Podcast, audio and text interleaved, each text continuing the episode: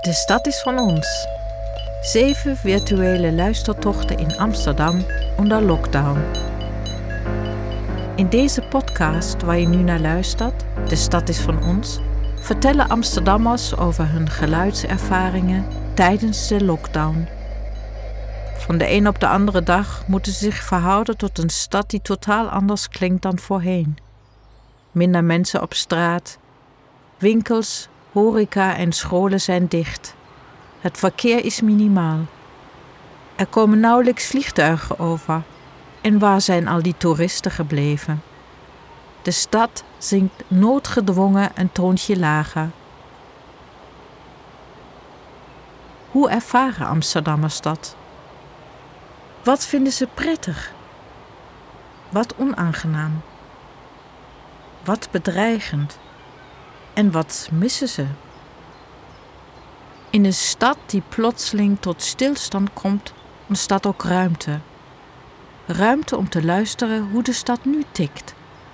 En ruimte om na te denken of de manier waarop we tot voor kort de stad hebben ingericht en gebruikt wel geschikt is voor hoe we in de toekomst willen samenleven in Amsterdam. De Amsterdammers die aan het woord komen in De stad is van ons, gebruiken deze denkruimte om hardop te speculeren over de toekomst van hun stad, elk vanuit hun eigen expertise en positie in de stad. Vertrekkend vanuit hun actuele geluidservaringen komen ze tot verrassende vergezichten die misschien dichterbij liggen dan gedacht. Wie alle zeven afleveringen van de podcast beluistert, heeft een blauwdruk voor Amsterdam in 2025 in handen.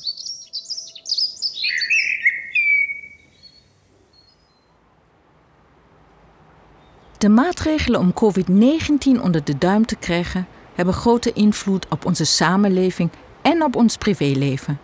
Niet bij elkaar kunnen komen, niet naar school kunnen gaan, thuis moeten werken, niet reizen, niet sporten, winkelen. S'avonds na 21 uur niet meer de deur uit en nog steeds een mondkapje dragen. Voor veel mensen zijn deze maatregelen beperkend en misschien wel de grootste verandering in hun leven tot nu toe.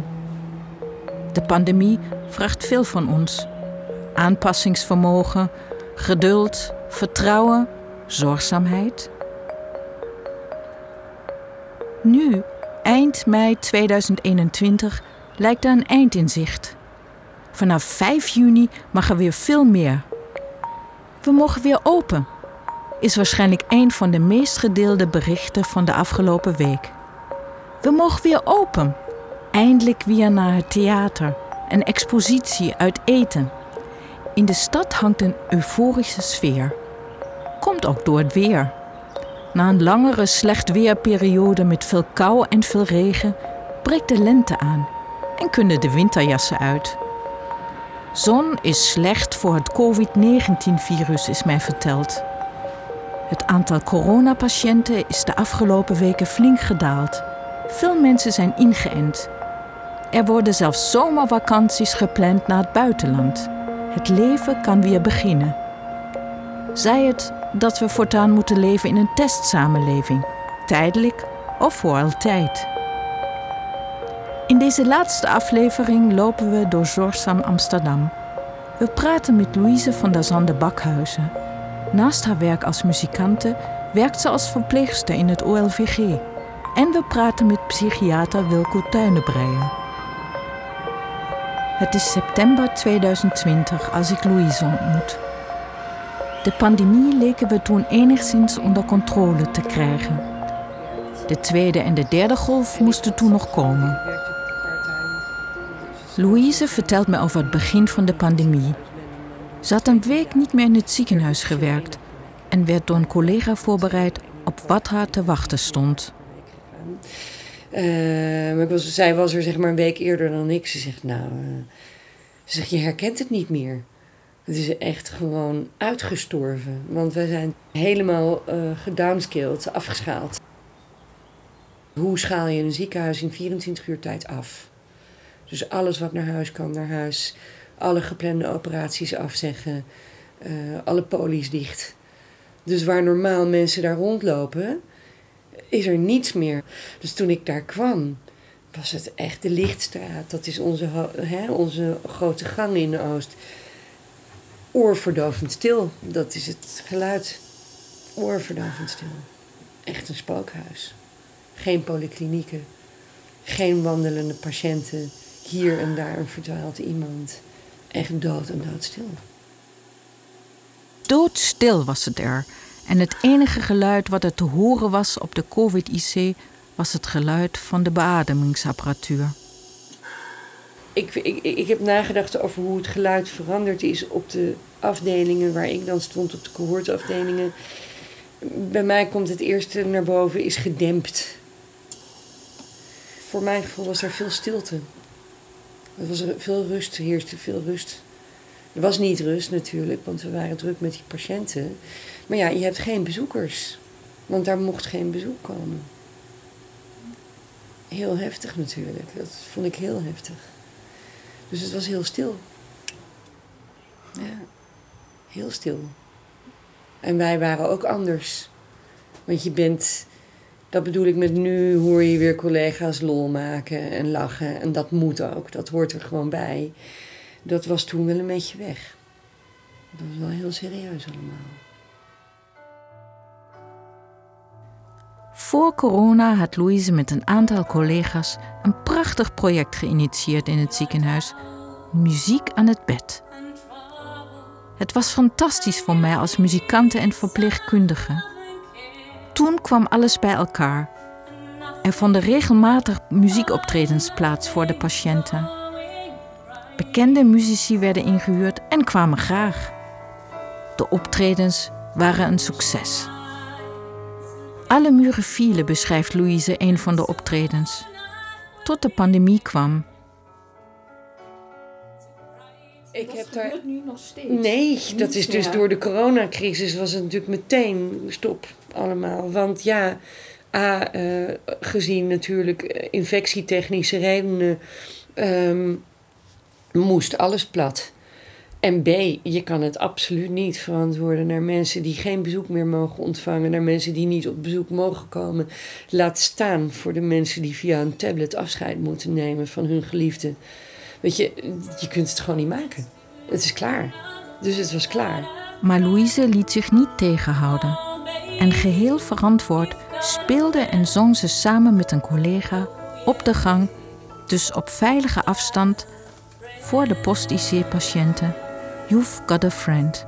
En dat werd zeer gewaardeerd.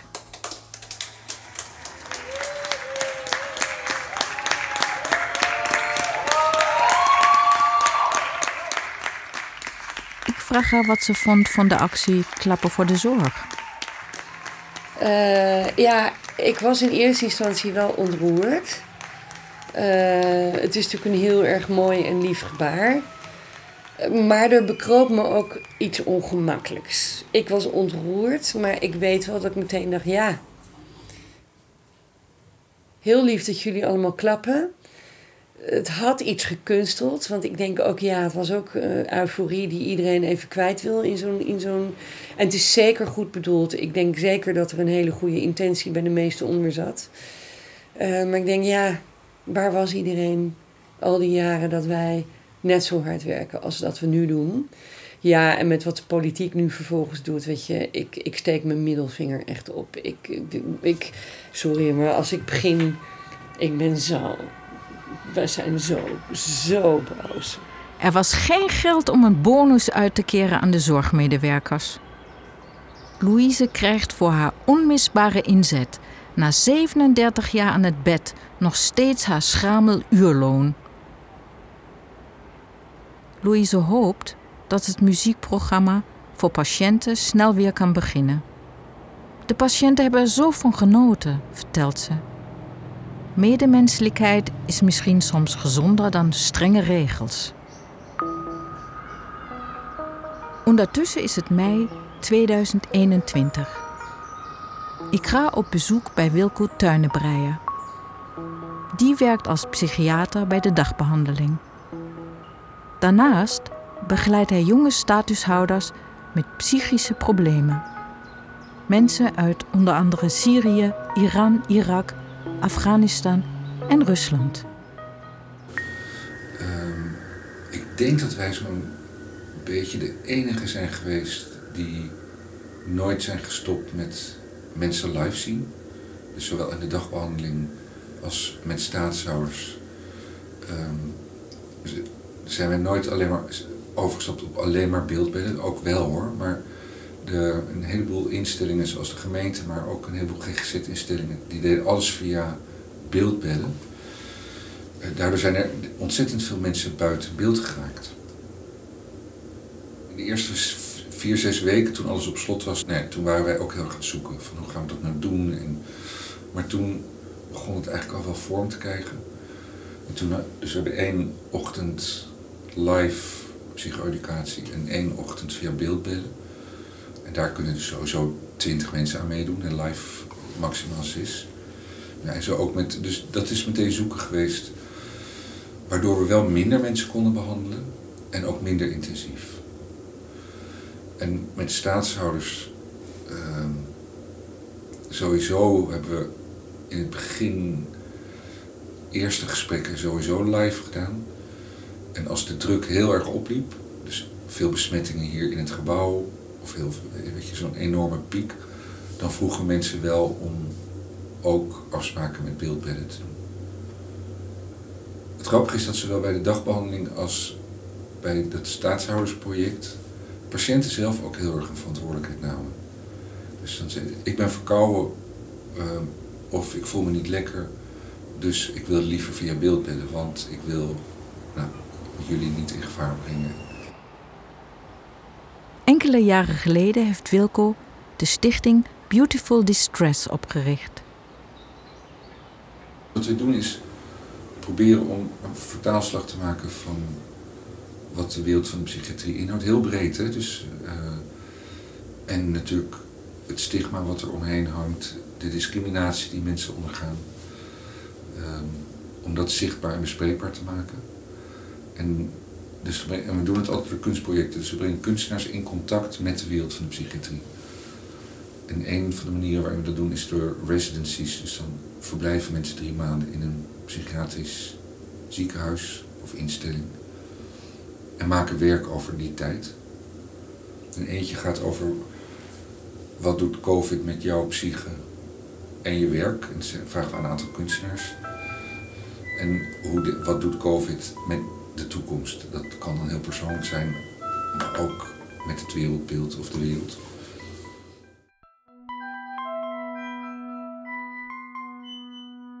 Denk je dat corona invloed zal hebben op de psyche van mensen, vraag ik Wilco. Zeker, zeker. En natuurlijk, iedereen zegt, van gaan we nou terug naar normaal? Maar de vraag, nee, dat is natuurlijk een hele maatschappelijke discussie. Wat is normaal? Van, kunnen we eigenlijk wel terug naar normaal? Want ja, dat was zo weinig houdbaar, zeg maar, qua milieu en qua whatever gezien.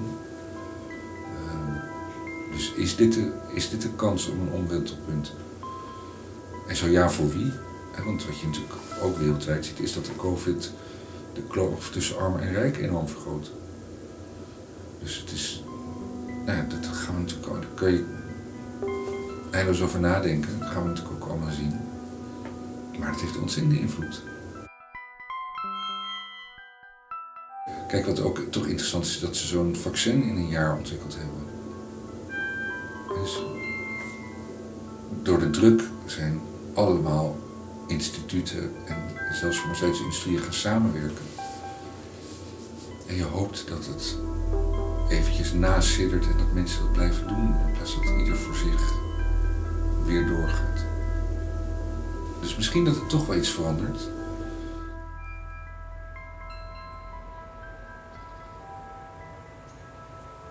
Ik vraag aan Wilco hoe hij de toekomstige samenleving voor zich ziet. Een samenleving waarin niemand gestigmatiseerd en gediscrimineerd wordt. Een respectvolle samenleving waarin iedereen elkaar accepteert, ongeacht politieke overtuiging, huidskleur, geslacht, seksuele geaardheid. Hoe klinkt die samenleving dan, vraag ik aan Wilco. In elk geval is er geen intolerant geschreeuw en gepolariseerd te horen, zegt hij. Over de toekomst van zijn patiënten maakt hij zich soms wel zorgen. Eenzaamheid is echt een groot ding. En, ehm, en waar ik zelf bang voor ben, maar nu wordt het allemaal heel pessimistisch, maar dat ehm, als je ziet hoe groot de, bijvoorbeeld de, de goodwill er was om statushouders te helpen aan, en dan niet in de vorm van patiënten, maar gewoon nieuwe Amsterdammers. Um, om ze stage te plek te geven bij grote bedrijven, bij kleinere bedrijven. Weet je, dus dat maatschappelijke draagvlak is, was heel groot. En ehm, hetzelfde geldt voor psychiatrische patiënten die door als ervaringsdeskundigen gaan werken of door een ervaring vrijwilligerswerk kunnen doen. Ehm, dat is iets waar ik me ongerust over maak. Van, komt dat op dezelfde manier terug? Um, stel de, de, rekening van de kies moet betaald worden, zijn dat niet de eerste dingen waarop bezuinigd gaat worden? Um, daar ben ik ongerust over of dat, of dat wel goed gaat.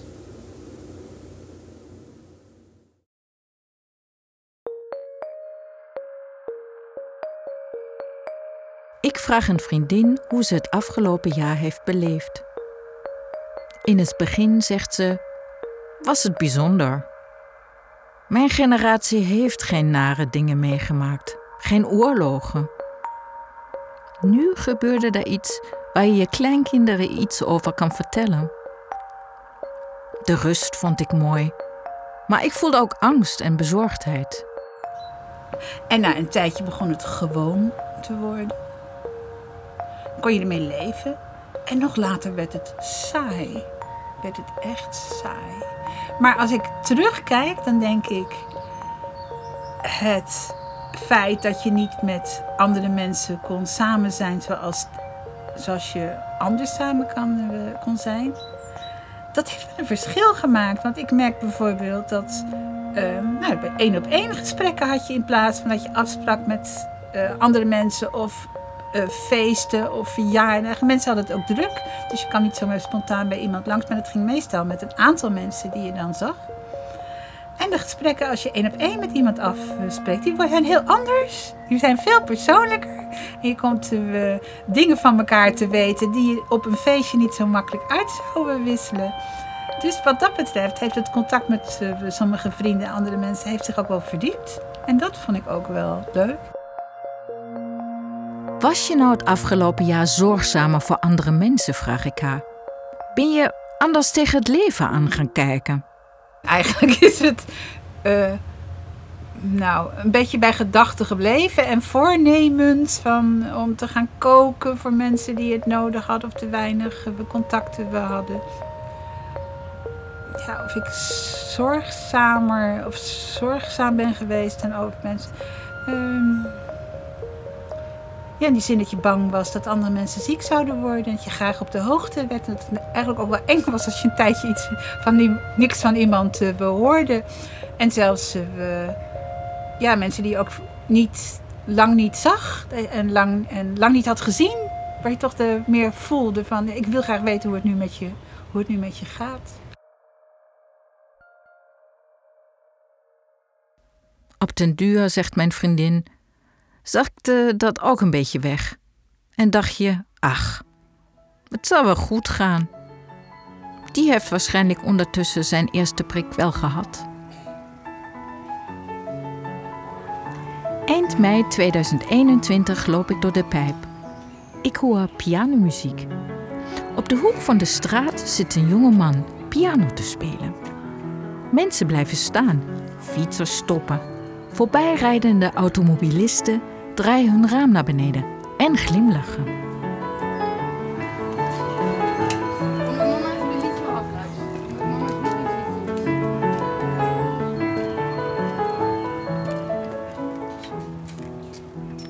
Het is mooi om naar de gezichten van de mensen te kijken die bij elkaar staan op een straathoek in Amsterdam en naar muziek luisteren. Je ziet hoe de muziek hen raakt. Ze worden stil, dromen weg glimlachen. Conservatoriumstudent Arnim werd gek van alleen zijn thuis en besloot op straat te gaan piano spelen. Mensen houden van mijn muziek en ze bedanken mij. Vorige week stond een jonge man een kwartier te luisteren. Hij huilde. Toen kwam hij naar mij toe en zei: Mijn oma is gisteren overleden. Door jouw muziek heb ik eindelijk kunnen huilen.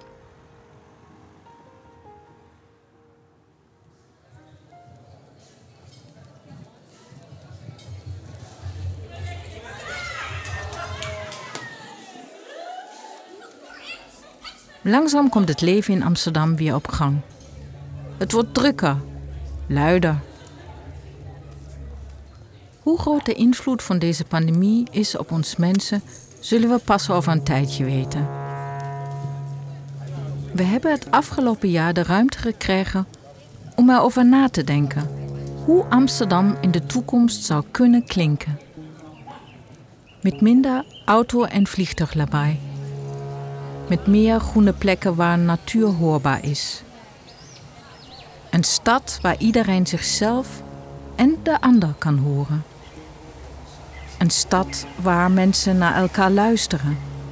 Een stad zonder intolerant geschreeuw. Maar waar iedereen zijn stem mag laten horen. Een stad waar muziek klinkt op straathoeken, waardoor mensen verbonden worden met elkaar. De stad is van ons. Maar wie is ons dan wel? Wie mag geluid maken in Amsterdam? Wie niet? Wie of wat mag worden gehoord? Geluid gaat niet over stilte of kabaal, maar over communicatie, ruimte, gezondheid en over macht. Laten we werken aan een gezonde, groene, zorgzame en rechtvaardige stad voor iedereen. Laten we direct beginnen. Met wie ga jij aan het werk?